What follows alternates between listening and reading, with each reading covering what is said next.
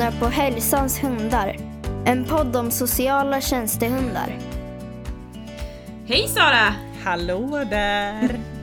Nu är det dags igen! Ja, superkul Alltså igen. ja, det är så godgulligt. Jag skulle vilja att de får se dig. Jag har inte min telefon här. Alltså du sitter bakom en stor låda så sticker liksom näsan och ögonen och ett par stora hörlurar upp. Det ser ju väldigt gulligt ut får man säga. Titt, titt. Vad gör man inte för att försöka få bra ljud? Ja men precis, det är Så ju så när man går. spelar in en podcast. Och apropå ljud så kan man ju också säga att den här, eh, det här avsnittet kommer att ha lite varierande ljudkvalitet. Men innehållet Ja. kommer att vara smashing kan man säga. Hoppas vi att folk tycker. Ja, Ja. och mitt ljud har ju strulat till och från också helt utan anledning. Så nu har vi skaffat en ny mikrofon till mig så vi får hoppas att det Mm. blir lite bättre i alla fall. Det märker vi alltid i efterhand sen. Ja, precis. Du, eh, hörru du, vad har du haft för dig? Jag har varit på eh, jäkla föreläsningsturné. Jag har varit runt på diverse olika ställen. Jag har hunnit med fyra föreläsningar på två dagar här i, i veckan. Så att, eh, och dessutom har vi haft realgymnasiets eh, årskurs tvåor på, eh, på kurs här på kontoret. Så det har varit superkul verkligen. Mm, det är full rulle. Du ringde ju mig igår kväll och jag var såhär, vad gör hon ute och åker nu? Så Ja, jag kom hem och du halv undrade vad jag käkar middag för då? Ja, exakt. Vi är lite udda vanor så här på, på natten, men det var väldigt dålig sikt igår. Det var väldigt obehagligt att köra. Jag hade 100 Mm. meters eh, sikt kan man säga. Mm, ja. Eh, ja, nej men och ja, ja, jag vet inte. Hos mig rullar det också på, kan man Ja. väl säga. Tackar som fråga. Ja, Skojar bara. Nej, du vet ju, jag stökar ju på. ja vi har, men vi har ju haft mycket kontakt i, jag vet att du håller på att förbereda dig inför eh, Leva och fungera heter det va? Mm, Leva och fungera med Sam, jag tror Mm. jag nämnde den i förut också. Ja, Mm. det är jättekul. Eh, ni är involverade i vårt lilla förberedelsearbete där också. Ja Mm. men det gör jag verkligen. Förbereder för mässan och så sitter jag och grejer lite med, med lite uppdrag för Svenska Terapinskolan ju. Grejer Mm. med lite... Precis, vi har lite nytt online-material som ska släppas eh, också inom kort Mm. här. Så det blir men jättespännande. precis. Så det full rulle, men i helgen är jag ledig så det ska bli skönt. Ja, vad skönt. Och jag ska faktiskt åka till, eh, till fjällen och åka skidor med mina bröder och deras familjer och min familj, så det ska bli jättekul. Ja, du har en man som står och stampar och barn som står och sitter i bilen och väntar redan typ. Ja, typ. Men de, i alla fall. de får vänta får för det här är så viktigt tycker vi. Ja. ja, dagens avsnitt då? Ja, vi har ju alltså träffat eh, eller pratat med Bosse och Hans eh, som arbetar med att utveckla både vaccin för eh, pälsallergiker och sen har de även utvecklat ett schampo som man kan schamponera sin hund med för att då minska med allergener i eh, hundens päls. Eh, och även ett Ja. balsam är det ju. Ja, precis. Ja, de kommer få berätta om det. Men alltså det är ju, hela det här med allergier är ju så himla viktig, viktigt ämne för oss. Mm. Eh, att hålla oss uppdaterade kring eh, och att skapa bra riktlinjer kring, tänker jag. Så att vi tar hänsyn till allergikerna såväl som de personer som har ett behov av till exempel en löshund eller en besökshund på sitt boende eller vad det kan vara. Och att det ena inte ska utesluta det andra. Precis. Eh, och precis som med alla andra så här, politiska situationer, att man inte ska ställa två grupper mot varandra som har behov. Eh, och i Och ska samband med man- att vi släpper det här avsnittet kanske vi också kan dela lite länkar, för vi har ju suttit och, med lite astma och allergiförbundet, har lite bra länkar, och det finns lite att läsa. Mm, ja men det gör det absolut. Och, och framförallt också pratar vi om vad ska man tänka på när man tar in hund på Mm. ett boende och eh, hur sprids allergener och alla möjliga saker. De har ju svar på allt så det är ju helt fantastiskt. Eh, Mm. Så jag tycker faktiskt att vi kliver rakt på intervjun faktiskt. Ja, det gör vi.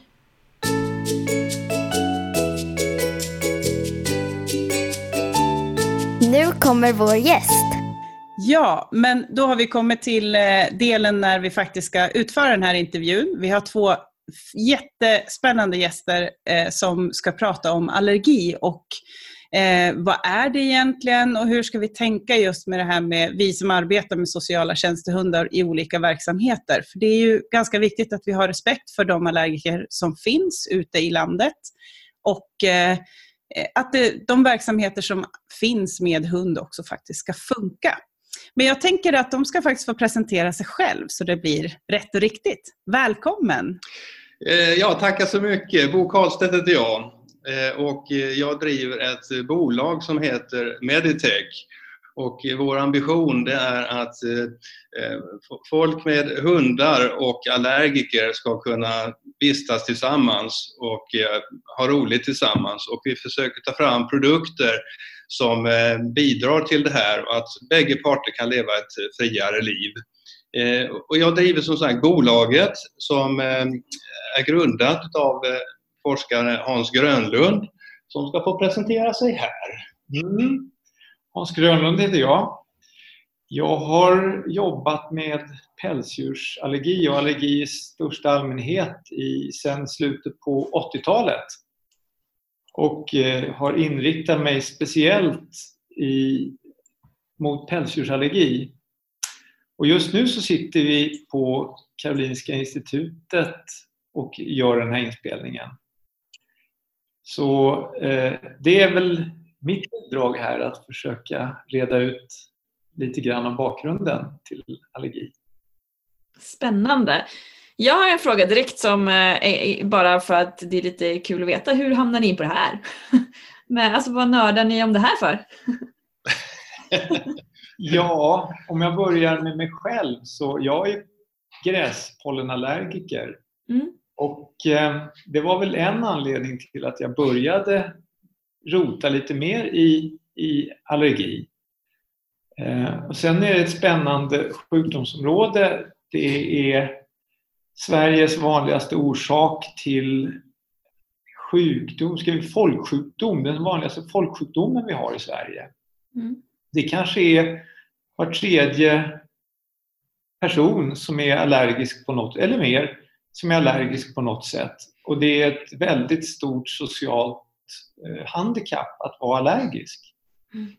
Och just pälsdjursallergi är särskilt problematiskt därför att det påverkar inte bara en själv utan också de runt omkring som både har allergi eller har allergi i sin närhet. Pälsdjur, ska jag skaffa mig, ska jag göra mig av med min man, jag har träffat kärleken i mitt liv. Är det honom eller hunden jag ska göra mig av med? Eller en annan som kanske har en, en, Min fru har fått Alzheimer och det enda hon reagerar på är hunden. Och nu har jag blivit allergisk. Ska jag, vad, hur ska jag göra? Det finns många sådana historier runt just pälsdjursallergi. Så mm. det är mm. särskilt spännande. Ja, och jag är industrialist i grund och botten. Jobbat med teknik och naturvetenskap i, i mitt, ja, hela mitt yrkesliv kan man säga. Och för fem år sedan så kom eh, Hans, ja faktiskt Hans bror som jag är bekant med och sa till mig, ja, min, min brorsa har väldigt spännande forskning på gång och han har hittat ett sätt så att man ska kunna matcha allergiska personer och hundar så att de kan klara varandra. Men han, han, behöver någon som driver bolaget och som får det här att fungera i, i verkligheten. Eh, ja, och på den vägen var det. Vi pratade ihop oss och tyckte det här var spännande. Och här, här finns ju oändligt mycket att göra, oändligt stora behov. Eh, att, eh, då slog vi våra påsar ihop och så sa vi att nu kör vi. Ja. Trevligt. Ja. Det blev också en bra match kan man säga då, med andra ord. Jag tycker nog att som forskare så, så har jag alltid velat forska på saker som kan komma patienter till godo. Det inte ska bara stanna på labbänken. Och, och det är för mig väldigt viktigt att det är trots allt skattepengar som driver forskningen och att bara hamna i, på labbänken. Så att det var ett sätt för mig att det här skulle komma samhället till godo. Och det gör det ju verkligen, tänker jag. Ja. Det är ett väldigt handfast ämne. Jätteintressant tycker jag. Och nu, då kommer vi ju automatiskt in på frågan, vad är egentligen allergi? Ja, allergi det är en form av överkänslighet. Och som alla vet så har vi ett, ett försvar mot bakterier, virus och, och parasiter. Som, det här försvaret kallar vi kollektivt för immunförsvaret. Ibland så så går det här systemet fel. Och vi överreagerar. Eh, och det är det som händer i allergi. eh, man brukar räkna med att det är en form av felreglerat försvar mot parasiter. Och det är en speciell typ av sjukdomsframkallande antikropp som, som driver den form av allergi som vi tänker på. Den vanligaste formen.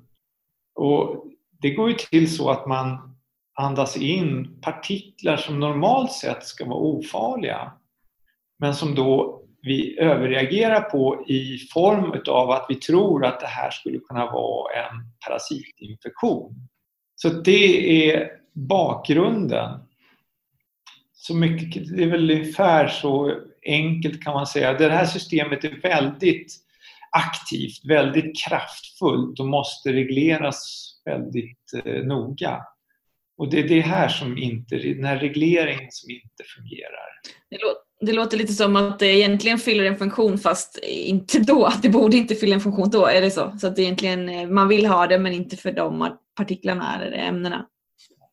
Så jag, jag kan väl flika in där att det är väl egentligen programmeringen av immunförsvaret, enkelt uttryckt, som mm. att det är felprogrammerat när man blir allergisk. Och den här programmeringen sker ju också eh, vid vissa tider i, i livet, eller hur? Ja. Man brukar ju säga att precis när man föds, man föds lite grann i en allergisk profil kan man säga, så sannolikheten att, att eh, man ska bli allergisk finns där från början. Men eh, i takt med att immunsystemet eh, blir upplärt på bakterier, parasiter och sånt som finns runt omkring oss så, så balanseras det här upp. Så att man kan väl säga det att under de första ett till två åren så lär sig immunsystemet vad som är sjukt och vad som är friskt. Och det är under den tiden som man kan bli lite tolerant. Så att man kan, jag brukar säga att under första ett till två åren så har man en skyddseffekt av att ha hund eller katt eller pälsdjur. Och efter två års ålder så börjar det övergå till att bli en riskfaktor. Det här, det här är liksom på individ, man måste vara medveten om att det här är på kohorter, stor, så att man måste, det, är inte på individnivå, så det kan finnas variationer i det här också på individnivå, men i stora drag så är det på det sättet. Men kan, nu kommer ju tusen frågor här. Jag går Helena eh, Men jag fick ju genast då en liten fundering. Kan det vara så att det räcker med att man träffar djur eller behöver man leva ihop med, med de här djuren? Då? Jag tror att det är ganska bra att uh, ut, leva med djur. Jag, jag, tror att det kan vara nyttigt att utsätta sig ordentligt, i, eh, liksom, om man nu ska ha en liten skyddseffekt. Ja. Så då, då, skulle man nog kunna tänka sig att det kan vara bra att skaffa djur. Just det. Under de första två levnadsåren. Det kan ha en viss skyddande effekt för senare uppkomst av allergi. Just det, men inte nödvändigtvis. Nej, men jag tycker att det är så spännande för att jag var med en kompis hos veterinären och skulle vaccinera ett gäng hundar och då kröp hennes ettåriga son runt på golvet. Och då sa eh, sköterskan då att så här, ah, men det är väl bra för då blir han motståndskraftig sen. Och då tänkte jag på just det här. Stämmer det eller är det en sån här myt? det trixiga i det här att förstå det är att som sagt att upp till de första två levnadsåren så, så är det en, en, eh, kan det vara en bra programmering. Men eh, har man tendens att få allergi eller är ärftligt eh, har hos föräldrar och så vidare så efter de här två åren någonstans så, så blir det mer en riskfaktor istället. Mm. Så det, det är det där som det gäller att, att förstå hur mekanismerna fungerar. Ja, och att det på individnivå inte alls behöver vara så, men att man tittar det breda. Man måste ju ha respekt för att det in, enstaka individer kan få allergi mycket senare. Mm. Också. Det finns liksom ingen riktig... Det är en, det är en väldigt individuell sjukdom. Mm. Men det handlar väl också ganska mycket om hur man själv mår. Jag vet ju eh, till exempel bekanta som har blivit allergisk på senare år på grund av att de har haft en utbrändhet i botten eller att det har varit någonting annat, att man har slagit ut kroppen på något sätt. Och då har man i, i sig då reagerat på någonting ja. annat. Ja, det finns ju just frågan om hur huvudet, så att säga, psyket mår. Det är inte, där finns det mycket mer att göra. Eh, men det, det, kan mycket väl vara så att det har en större betydelse än vad vi vill ge det just nu. Ja, precis. Och apropå psyket då så är det ju just det som vi är intresserade av att jobba med, med hundarna och att många kan glädjas och må bra av att just träffa hund. Eh, och det som vi också tänker då är ju, för nu kommer det här avsnittet och den här podcasten handlar ju om just hund. Eh, vi kommer inte att beröra kanske så många andra djurslag annat än om det kommer upp angående vissa frågor kanske. Eh, men jag tänker att vad är det då man är allergisk emot hos, en, hos just en hund? Ja, eh, det vi brukar säga är att det finns tre stycken källor hos hunden som man kan särskilja. Eh, det är pälsen och det är framförallt inte pälsen som sådan utan det är huden, hudflagor ifrån som, så hårstråna i sig, om de är vita eller gula eller korta eller långa spelar liksom ingen större roll. De är inte allergiska, de blir man inte allergisk emot. Men det är hudflagorna som är under. Och sen har vi saliven som har sin uppsättning av allergen och sen är det hundurinen. Så det är de tre källorna. Och det är sju stycken kända molekyler, proteiner i, eh, hos hunden som är beskrivna. Och de, de är lite olika, de finns på lite olika ställen så att en finns uteslutande i hanhundars urin och det är ett väldigt viktigt protein. Ett kallikrin kallas det för, för den som är specialintresserad. Sen så har vi unika allergen i saliven och i pälsen. Så att det är lite olika beroende på. Och varje hund utav, utsöndrar olika mängder utav de här eh, allergenen från de olika eh, ställena. Så, så, så är det ungefär. Så det är alltså ganska eh, betydande skillnad mellan en kastrerad och icke-kastrerad hane till exempel? Ja. Så om, om man nu har de här IG-antikropparna, sjukdomsframkallande antikropparna mot eh, den, den, komponenten som vi kallar för CANE5 eller kallikrin som finns i okastrerad hanhund, då bör man nog skaffa en tik eller kastrera hunden. Så har man åtminstone minskat för den komponenten. Mm. Just det. Ja, jag som har två hanhundar då, då, som har blivit kastrerade, jag har i alla fall gjort rätt ja, då med andra ord. Det har du gjort. Man kan väl då lägga till att på, på, på samma sätt som hundarna har de här sex, sju olika allergenerna i olika mängd så kan du själv vara allergisk mot ett eller flera av de här komponenterna. Eh, så att eh, du kanske bara är allergisk till exempel mot CANF5, det här prostataproteinet som finns hos eh, icke-kastrerade hanhundar. Ja, då vet du att undviker du bara den typen av hundar så klarar du säkert av att ha hund. Till exempel att du, du köper en tik. Då. Så att det är väldigt värdefull information att förstå vilken profil man har på sin, sin egen allergi. Ja, men kan man testa det här redan på en valp? Ja, alltså nu, vad vi talar, det vi talade om nu, det var egentligen din allergiprofil. Alltså, tänk då att varje person har en helt unik profil. Så att man har olika nivåer av antikroppar mot alla de här sju komponenterna. En del har bara mot några få, andra har mot några andra och det är lite olika. Så att, och det är allergiprofilen. Hos människan? Hos människan. Så ska ju den matchas då mot hur ser allergenprofilen ut hos just den här hunden. Och den, krockar den profilen, då kommer du att känna av det.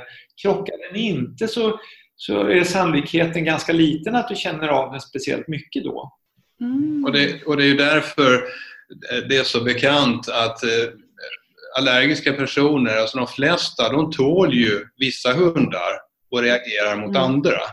Och det beror just på det som Hans säger, att då har du en profil som, som krockar.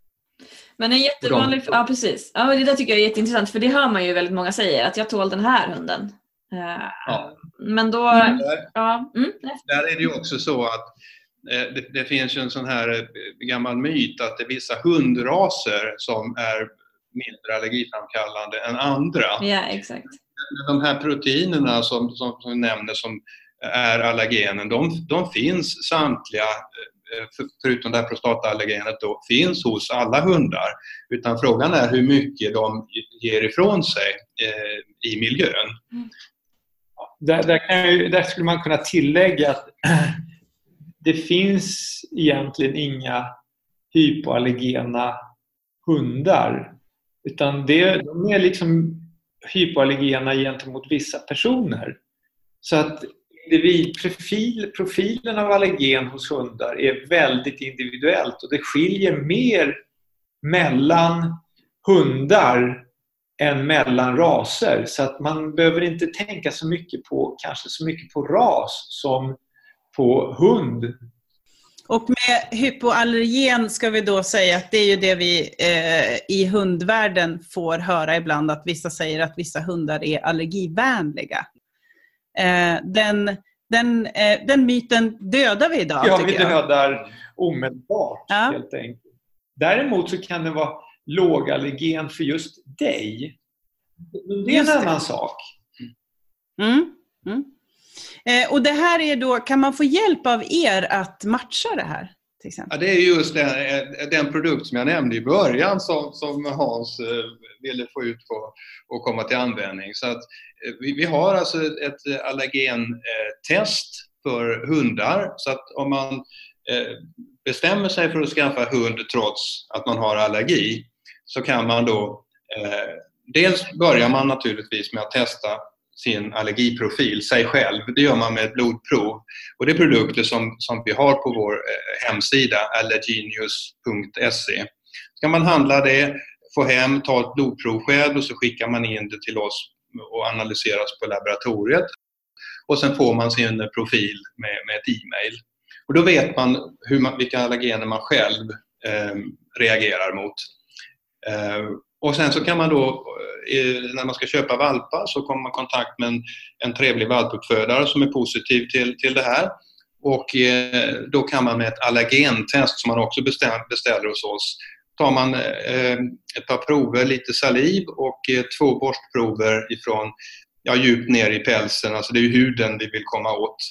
Eh, skickar man in dem till oss och sen får man eh, en profil på, på eh, förekomsten av allergen hos hunden. Och på människan kan vi testa eh, CANF 1 till 6, alltså 6 allergener idag och på hunden eh, testar vi CANF 1, 2 och 3. Så att vi har inte samtliga komponenter än på hunden men de håller Hans på och jobbar på här. Jobba Hans!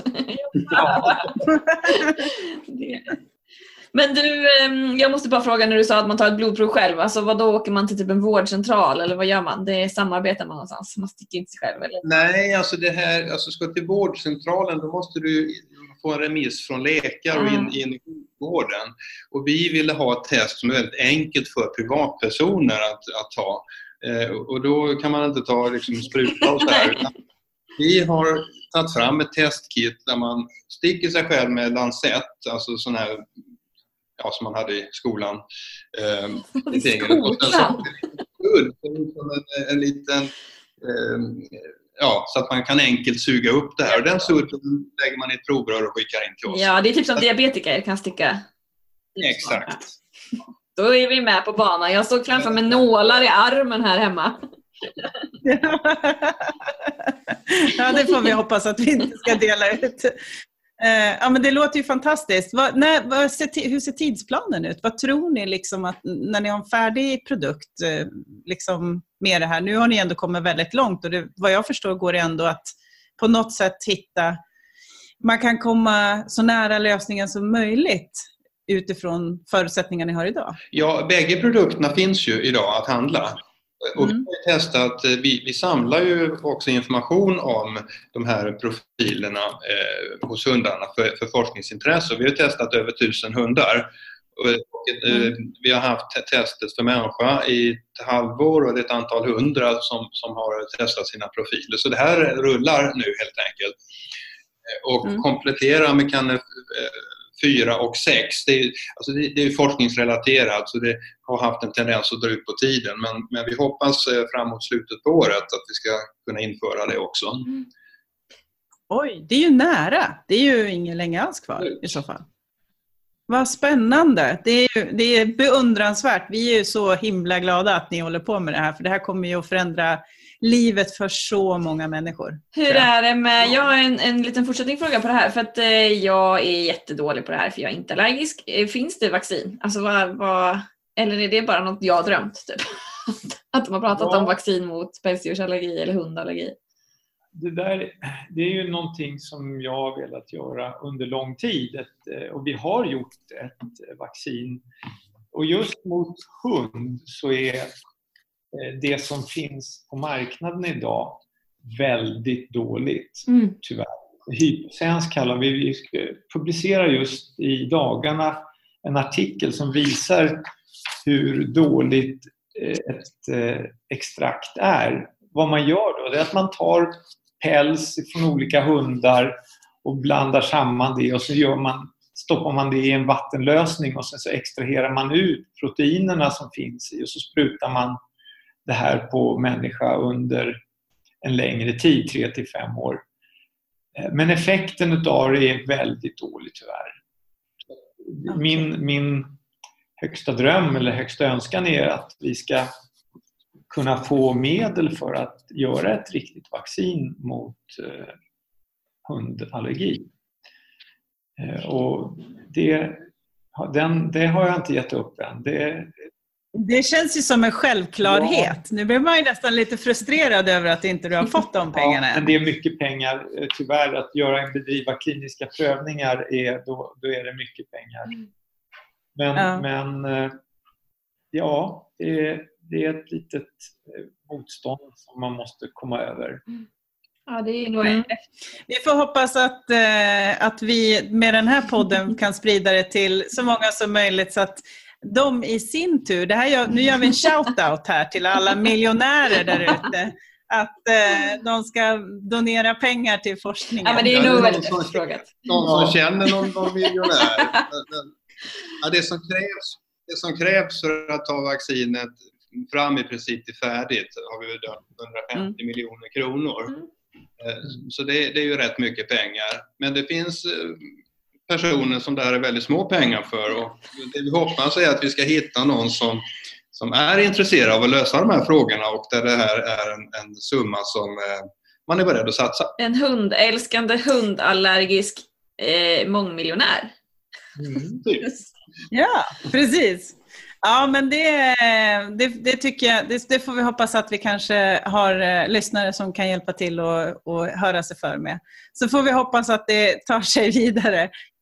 Men ska vi eh, gå över på det här som våra lyssnare säkert sitter och undrar om då? Det här med hur kan vi göra? Kan vi förmildra alltså spridningen av allergener? Vi som är ute med hundar, alltså vi som har hundar hemma men också vi som jobbar med sociala tjänstehundar. Ja, absolut. Det, det, och det var väl det vi började diskutera om, hur, hur, man kan göra här och nu eftersom det är en, en bit kvar till, till vaccinet. Och då eh, vet vi ju i, i, i vår forskning att hudens eh, skick har väldigt stor betydelse för hur allergiframkallande hundarna är. Eh, så att då satte vi igång ett projekt att försöka utveckla en produkt. Som, och, det, och det är ju så här att eh, schampoprodukter för hundar det är väldigt viktigt att de inte är för fettlösande för då, man, då löser man ju upp det naturliga fettlagret hos hunden och kan skada eh, hudbarriären. Så då sa vi det att då behöver vi ha en produkt som är väldigt mild och inte fettlösande men samtidigt på ett effektivt sätt ta bort allergenerna. Eh, så att vi utvecklade med det med hjälp av specialister ett eh, schampo som, som gör just det här. Och det har vi ju testat också och kommit fram till i, i våra tester att det tvättar bort upp till 97 av allergenerna vid den tvätttidpunkten och i snitt hos den gruppen som vi testade så var det 85 procent. Mm. Just efter att man har tvättat så blir den eh, väldigt allergivänlig helt enkelt. Mm. Och jag undrar ju då, eh, jag fick faktiskt frågan igår, för jag, jag, jag var och föreläste på två olika ställen och så pratade jag om just det här schampot. Eh, och framförallt att vi måste ju då, vi följer ju ganska strikta hygienkrav vad gäller både i vården och i skola och mm. omsorg. Eh, men vi, det, är också det betyder ju att vi måste schamponera hunden väldigt ofta för att hunden ska ju vara nybadad vid, in, egentligen i princip inför varje besök vi ja. gör.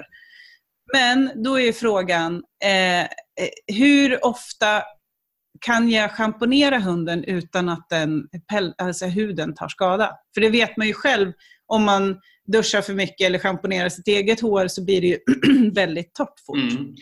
Ehm, och det där hänger ju naturligtvis ihop mycket på vilket skick hundens hud är. Liksom vi människor så, så ehm, har man ju olika stark hud från början. Men, men det vi har gjort med det här schampot är ju att det ska vara väldigt milt och sen innehålla hudvårdande ingredienser som återställer eh, hudbarriären.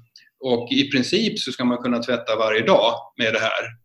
Eh, men sen har vi också för de som, eftersom en stark hudbarriär och en lugn hud gör att hunden blir, som sagt, släpper ifrån sig mindre allergener. Eh, så det finns ju de hundar som behöver ytterligare vård och därför har vi också tagit fram en specialbalsam att komplettera med för dem Dels om man vill ha en bättre effekt och dels om man har en hund som man känner att huden blir eh, lite torr på. Då. Så att, eh, det där får man liksom hålla lite koll på hur, hur, eh, vad hunden tål. Mm. Och jag har ju också då, jag har gjort en, ett kardinalfel med det här balsamet. Ja. Det kan man kanske passa på att berätta nu i och med att det är folk som lyssnar. Eh, jag, sprayade, jag tänkte så här, men spraybalsam det är perfekt. Jag sprayade på som bara den och kände att men gud, den här hunden går inte att klappa. Han är ju alldeles kladdig. Eh, och då har jag fått lära mig att man ska spraya och eh, massera in det i pälsen och sen gärna föna hunden så att pälsen blir torr. För då sätter det sig också i pälsen. Har jag tänkt rätt ja, då? Det är två eh. saker i det här. Dels var det så att vi, vi har precis nu bytt formulering så att den här den, den hade en tendens att vara lite klibbig, den första produkten. Och det ligger ju också i sakens natur att vi vill ju att allergenerna inte ska flyga iväg. Va? Men, men Nej. kommentarerna och därför så har vi ändrat formuleringen lite så att nu är den inte lika klibbig utan den är mer lättkammad och reda ut tover och så vidare. Men så är det ju som du ja. säger att det, det, det, här hänger ihop med fukt och så länge pälsen är fuktig så har den ju mer tendens att bli klibbig.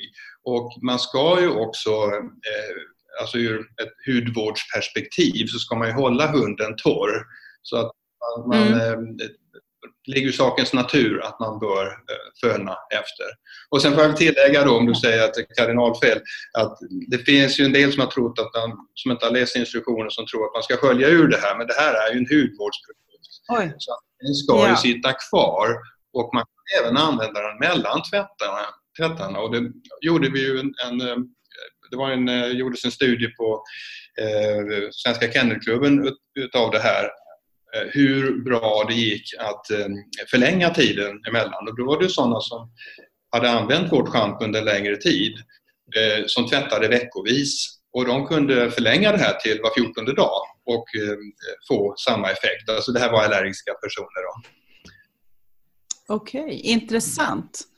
Ja, nej men det som sagt var, och det var ju också ett av de första balsamflaskorna som jag använde. Och sen så vågade jag inte riktigt, för jag har en, en hund som har väldigt fluffig päls och det, han blev helt så här.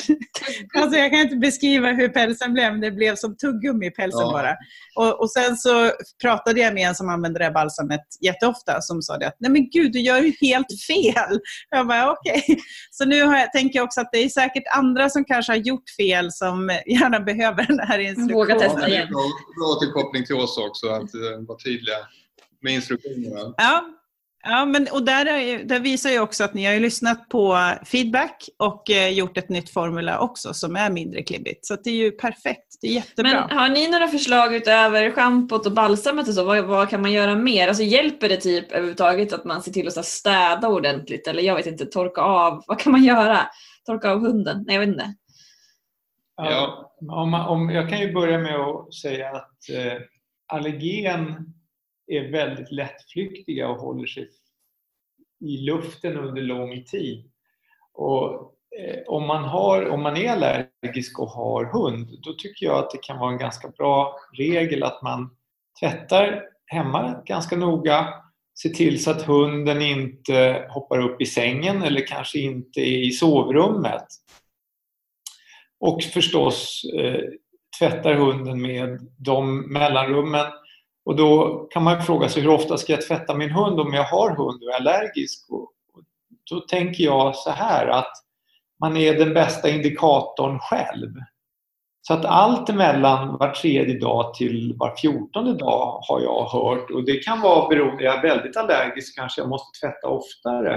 Är jag inte så allergisk så blir det lite mindre sent. Vi, vi, vi testade ju lite i början här med bara schampot och, och såg hur fort allergenen kom tillbaka eh, hos hundar. Och då nådde de ju ganska höga nivåer igen efter en vecka. Ungefär. Men det var bara eh, med eh, schamponering.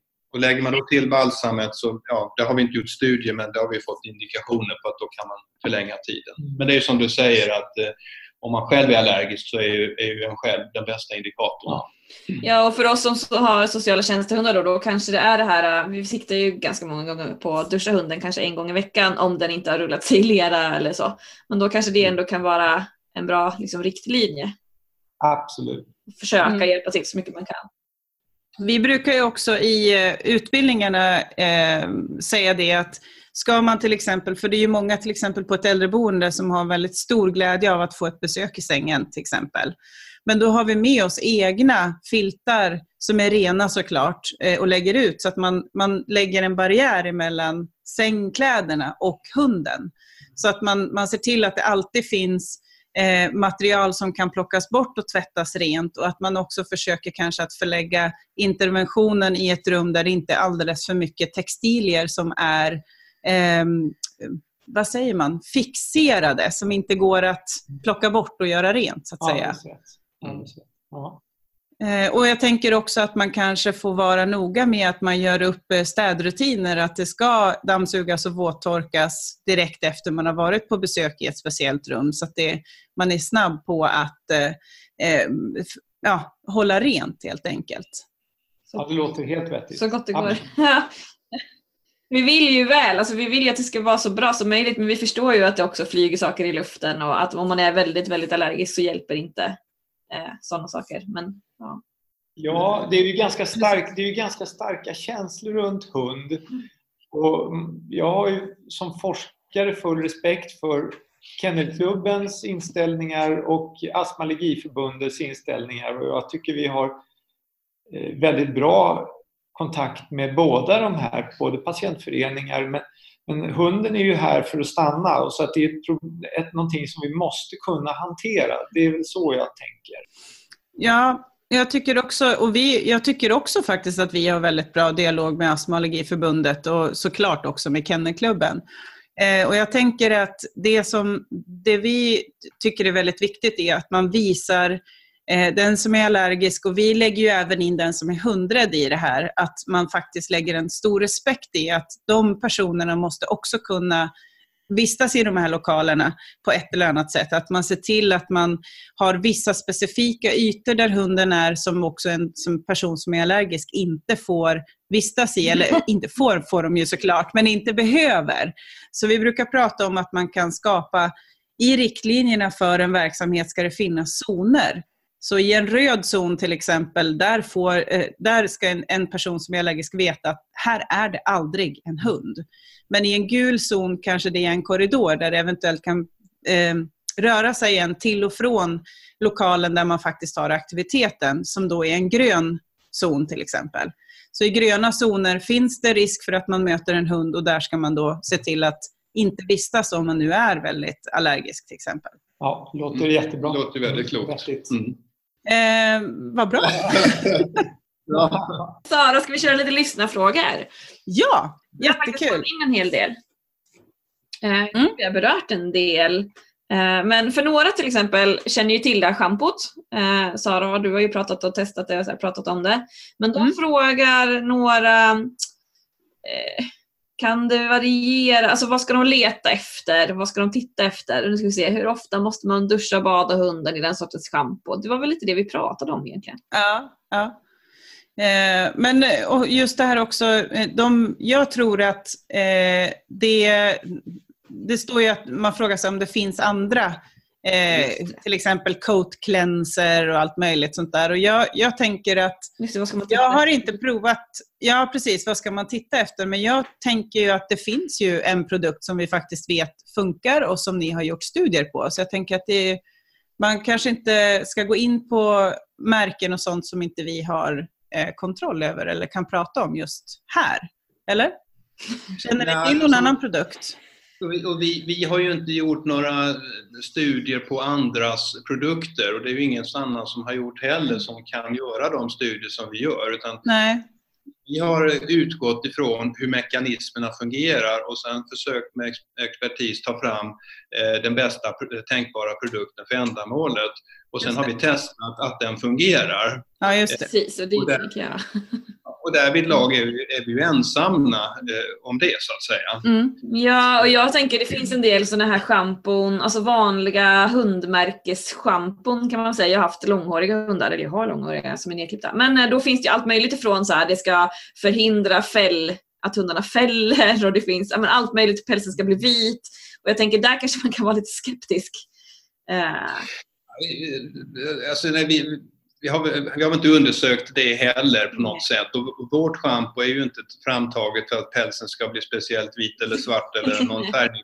Utan det är ju för, för just eh, allergin. Och, och därför har vi till exempel helt oparfymerat eftersom del allergiker reagerar mot parfym. det är klokt. Men man kan säga generellt så här med, med schampo. Det finns ju, man kan köpa schampo för 7 kronor på, på Jula.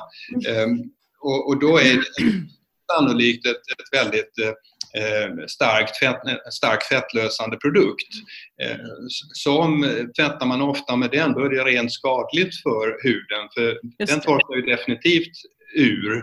Och eh, det var det som jag nämnde tidigare som vi har vinnlagt oss om, att inte ha det starkt fettlösande utan få bort allergenerna på andra sätt. Mm. Och det har vi gjort på ett speciellt sätt genom att eh, eh, allergenerna vill dra sig till vattnet som gör att man, eh, ja, som man sen sköljer bort då. Mm. Så att vi, vi, har, vi har jobbat utifrån allergiperspektivet enkom och det råkar ju då sammanfalla med att det är väldigt bra för hundens hud. Så att här, här har vi liksom, det är ett win-win som vi försöker sträva efter. Mm. Och det går ju helt i linje med vårt, vi har ett ganska starkt djurskyddsperspektiv och är väldigt mån om att hunden ska må bra i det här. Att eh, vi, vi tänker ju att eh, vi tar med oss hundarna eh, i arbetet och de gör ju det här mycket för att, givetvis för att de trivs och umgås med främmande människor, men också för att de vill ju arbeta med oss. Mm. Eh, Men det betyder också att vi utsätter dem ju för en hel del saker. Eh, Det vill säga schamponering och det ska vara eh, besök på boenden eller på ställen där det kan vara utåtagerande människor och så vidare. Eh, Och att då det finns en, ett sätt att sköta den här hygienen men det är ändå med djurets bästa i åtanke också. Det känns väldigt fint tycker jag. Faktiskt. Det tycker vi också är härligt. Ja. Jag har en, en fråga, jag tror att vi faktiskt har svarat på de lyssnarfrågor som finns, eh, för jag har läst igenom dem nu lite grann medan vi eh, pratade. Men jag har en fråga kring, eh, kan ni, ha, har ni sett eller eh, läst i några studier som har gjorts för jag har någonstans hört, jag kan inte säga att jag har några belägg för det, men att eh, det finns, eh, alltså hund, allergi mot hund eh, Eh, är i viss mån, jag vet inte hur jag ska formulera mig, lite mildare än om man tänker sig att vissa reaktioner kan vara för till exempel katt och häst. Att eh, katt och häst kan ge enormt starka reaktioner men det kanske inte finns lika stora belägg för att just hund kan framkalla anafylaktisk chock till exempel. Stämmer det eller har jag... Ja, jag, jag tänker så här. Eh, häst är ofta, du blir utsatt för väldigt mycket allergen många gånger. Alltså hästen är stor, ofta så lever många hästar sam, eh, i stall. Så att när du väl utsätter dig för det så får du en riktig rejäl dos och, och på det sättet kommer du känna av häst. Ja, för det där har jag också, för jag har vänner som är det, men de kan vara med min häst om vi är ute och de inte behöver liksom borsta och få päls, men de kan sitta på hästen och rida ut en timme utan att få besvär. Ja, det, men det beror nog lite grann på hur allergisk ja. mot hästen man är. För att är du tillräckligt allergisk, säkerhetsavståndet till, till ett stall kan vara 200 meter. Oh, okay. Så det blåser, det, det för med sig av vind. Så att är du allergisk så, så kommer du känna av det. det är väldigt, då är det väldigt på individnivå. Mm. Men kan du få då samma reaktion på 200 meter på en hund? Nej, och det menar jag, det är en dosfråga då mer. Att mm. en hund är ju så pass liten och, och, det är inte så många hundar, men om du, om du liksom är i en hage där det kanske tre, fyra hästar är ute eller att du öppnar dörrarna till stallet så kan det blåsa runt ordentligt. Mm. Och då får du väldigt mycket. Det är min tanke runt mängd mm. och storlek på, Sen så tror jag nog att beroende på hur allergisk du är mot hund så kan du nog absolut drabbas av anafylaxi beroende på hur mycket du utsätts för. Mm. Jag tror inte den allergiska reaktionen är så eh, mycket annorlunda. Vad man brukar tala om det är partikelstorlek och att katter må ha, de slickar ju sig på pälsen och det är saliven som torkar in och bildar partiklar och att de partiklarna är ganska små och på det sättet kan tränga lite längre ner i lungorna, i bronkerna. Det skulle kunna vara en sån mhm. eh, tanke runt, runt skillnaden mellan hund och katt. Mm. Mm.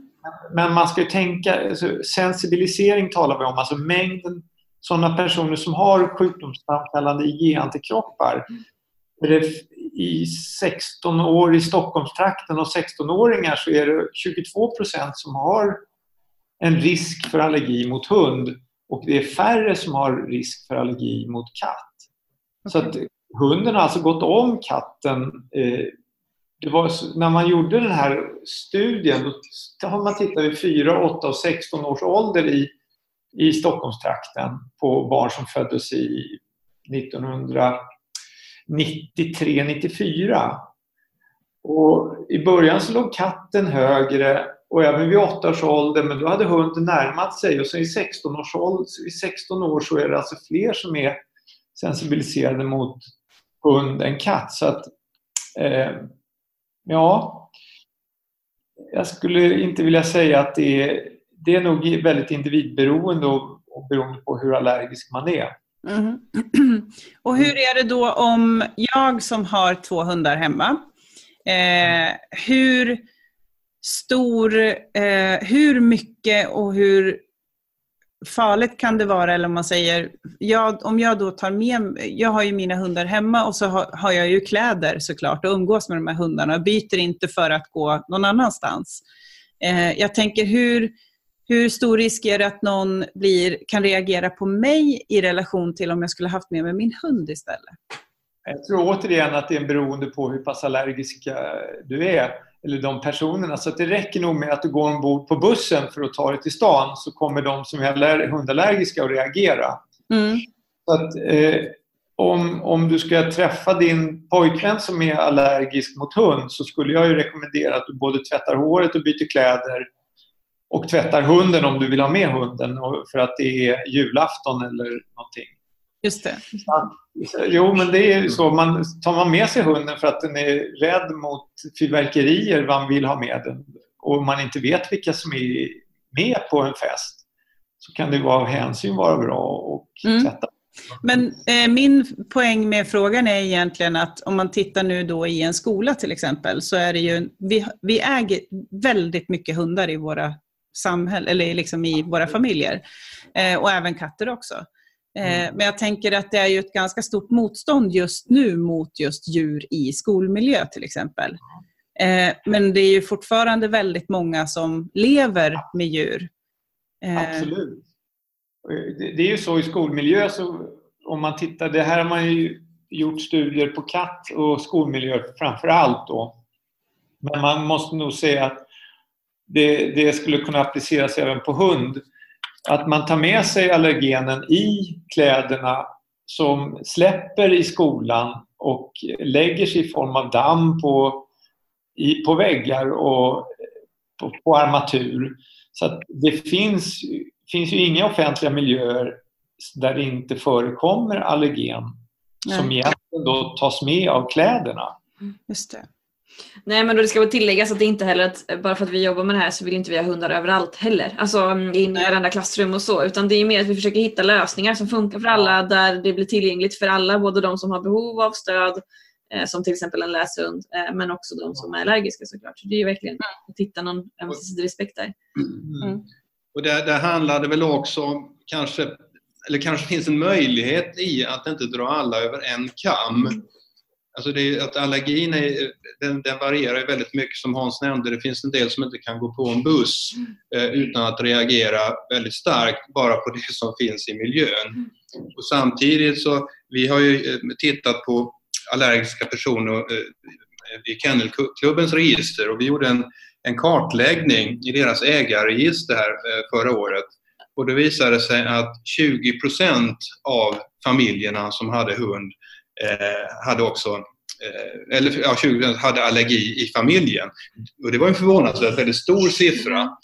Kan det vara lite biased av, att det är fler allergiker som svarat på den här enkäten men det är i alla fall många familjer som, eh, som har allergi i familjen. Ehm, och eh, huvuddelen av de här de reagerar eh, bara på vissa hundar och inte på alla. Och även kunde vi säga att det var ganska få utav dem som hade svåra besvär utan de, de, den här gruppen är ju sådana som har lätta besvär och då klarar de av att ha en hund med, med vissa hjälper då. Eh, och de kan även använda luftrenare i hemmet och, och så vidare. Men så finns det ju hela spannet till de som är superallergiska som knappt kan gå förbi en person som, där det finns allergen på kläderna. Just det. Och där finns det kanske en möjlighet för er, det ni nämnde här om zoner på eh, era besöksplatser och Mm kanske kartlägga lite dit ni går. Finns det några sådana här jättesvåra allergiska? Alltså på vilken nivå ligger de här personerna? Kan man hitta sätt där att förhålla sig så att man eh, ja, undviker kontakt med de, de som är mest allergiska och de som är mindre allergiska blir problemet kanske lite mindre så man kan hantera det på olika sätt. Mm. Ja, men precis. Ja, men det gör vi också alltid. Det skapas ju det vi kallar för en hundperm. I hundpermen skapas riktlinjer och rutiner för verksamheten. Och där måste det vara kartlagt och också även en, en medgiven, alltså en tillåtelse från den som är allergisk att man tillåter att det ska vistas hundar i de här lokalerna. Eh, och de ska också vara med på eh, att få information att i de här ytorna kommer hunden att vara och i den här ytorna kommer det inte att vara. Eh, Så att både hundrädslor och allergier måste kartläggas innan det överhuvudtaget tas in en, en hund i verksamhet. Mm. Eh, och de som sagt var måste ge ett medgivande till det. Så att jag tänker att det är ju eh, givetvis ett givande och tagande. Att vi, om vi, jag tänker så här, om vi visar respekt för alla de som är allergiska och hundrädda så tror jag att vi får samma tillbaka. Jag tror inte att den som är allergisk inte vill unna andra att umgås med hund. Och som sagt, många allergiska personer vill ju själva ha hund. så att- Ja. ja men precis. Så det där vaccinet är vi tillbaka på. Ja, ja, exakt. Ja, absolut. Kom igen nu alla miljonärer. ja. Ja, men jag vill rikta ett enormt stort tack för att ni ville ta er tid och eh, svara på alla våra frågor. Jag tror att många eh, i vår umgängeskrets och bransch faktiskt har fått svar på ganska mycket viktig information tror jag. Mm, ja, Jag stort skulle, tack. vilja, jag skulle vilja göra samma sak till er. Tacka er för, för er, ert stora arbete och ert engagemang. Vi behöver fler sådana som informerar samhället om möjligheter att leva med hund. Mm. Det är ett väldigt, det är ett väldigt bra arbete ni gör så jag vill tacka er också. Tack, vad kul. Och jag tänker att vi kommer att få anledning att fortsätta göra fler avsnitt med er troligtvis med tanke på att ni har två två allergener där som kommer att, att undersökas lite mer här innan årets slut vad jag förstår. Och eh, sen har vi den här miljonären som jag tänker vi kommer att få kontakt med oss. Ja. Ja, precis. Eh, men jättestort tack och eh, vi eh, ber om att få återkomma i takt med att utvecklingen sker helt enkelt. Absolut. Tack så hemskt mycket. Tackar, tackar. Tack. Du lyssnar på Hälsans hundar. En podd om sociala tjänstehundar. Ja, alltså de här är, det här är ju eldsjälar, verkligen. Det är Ja. så sjukt inspirerande att få prata med personer som brinner så himla mycket för sin sak. Ja men man känner igen sig lite grann i engagemanget. Att det Ja. är så himla, alltså man vill så himla mycket och man vill liksom rädda världen på något sätt. Ja, och jag vet inte hur det är med dig, men jag vi pratar ju också om det lite i slutet också. Men just det här att jag har ett sånt starkt behov av att någonstans uttrycka att eh, vi har den yttersta respekten för allergiker. Att man faktiskt förstår det, att vi, eh, det är inte liksom, vi tycker inte att vi har mer rätt att vara någonstans med våra hundar än någon annan, utan vi är mer ute efter att det här ska fungera, helt enkelt. Ja, och det är väl det att man är så rädd att någon ska tro att man vill köra över andra eller utesluta någon och sådär. Mm. Och det vi är ute efter är ju verkligen kompromisser. Och, och hundarna, eller djur för all del, är ju en väldigt stor del i väldigt mångas liv. Och jag läste på jag tror att det är Astma och allergiförbundet har en liten så här broschyr som heter Friskare liv, pälsdjur och astma och. Och då står det att ungefär det finns ungefär 10 miljoner sällskapsdjur i Sverige och ungefär 40% av alla barnfamiljer har något pälsdjur. Så att det är ju en väldigt stor del av våra liv. Och Mm. då måste vi ju hitta sätt att, att det, få det att fungera för alla. Liksom. Precis. Precis. Eh, och eh, vi om några är väl väldigt så vad djuren gör för oss. Ja, men samtidigt Både som privatpersoner och i tjänst. Ja. Ja, och samtidigt så vill man göra rätt. Man vill Ja, ju liksom verkligen. också att det ska vara eh, korrekt och riktigt så att inte liksom man, man orsakar någonting eh, för någon. Och det är väl alla stora fasa, alltifrån att hunden alltså, välter någon eller liksom skadar någon, att någonting händer så, men också att man skulle trigga någons allergi eller att man Mm. inte har gjort ett ordentligt förarbete. För att det är ju så att innan man för in hunden så ska man ju också kartlägga allt det här. Både allergier och hundrädsla och ja, men andra risker. Mm, Eh, både vad gäller deltagare och, och hunden. Mm. Eh, och det är ju en fasa, en mardröm att tänka att man inte skulle ha gjort det arbetet grundligt nog och ha missat någonting. Ja, precis. Eh, Så att det är väl därför vi hela tiden är så här, vi vill verkligen eh, hitta en, eh, vad ska man säga, en medelväg liksom, som funkar Mm. för alla. Vi måste mötas. Ja, men precis. Ja, men alltså hitta ett sätt där, där liksom alla är, eh, alla behov kan tillgodoses på ett, på ett bra sätt. Mm. Eh, I en bra överenskommelse helt enkelt. Ja, det var lite skönt att de ändå så lite bekräftar det vi, det vi gör och det vi jobbar med. Att vi försöker ha det här. Men vi tar inte upp hundarna. Eh, helst då försöker vi ta upp, vad säger man, eh, i stolar där det går att torka av. Alltså Mm. det här är, som du sa, inte Mm. Ja men textilier, nej, men precis, fixerade textilier som inte går att tvätta. Liksom. Det är ju jätteviktigt att man det. inte kanske utför interventioner på en helt täckningsmatta liksom, och, Mm. och sådana saker. Mm. Men att vi fick lite bekräftelse där, att vi tänker ändå rätt. Och Mm. sen, ja. Ja, men jättespännande och eh, stort tack säger jag en, än en gång till att de ställde Ja. upp. Ja, jag känner mig eh, lycklig och eh, hopp om framtiden för alla pälsdjursallergiker. Ja, Eh, du, eh, luften gick ur. Ja, alltså det här är så viktigt. Jag, jag blir lite, nästan lite rörd faktiskt. Säga. Men det blir jag ju ofta i och för sig. Men eh, jag tycker att det här är, är otroligt viktigt. Men du, ska vi ta lite eh, helg kanske? Nu ska vi ta helg, ni ska åka bil. Mm. Jag, ska, jag ska ut med djuren. Ha en riktigt trevlig helg Helena så hörs vi eh, nästa vecka. Det gör vi, ha det Ja. gott! Detsamma. Hej då! Bye!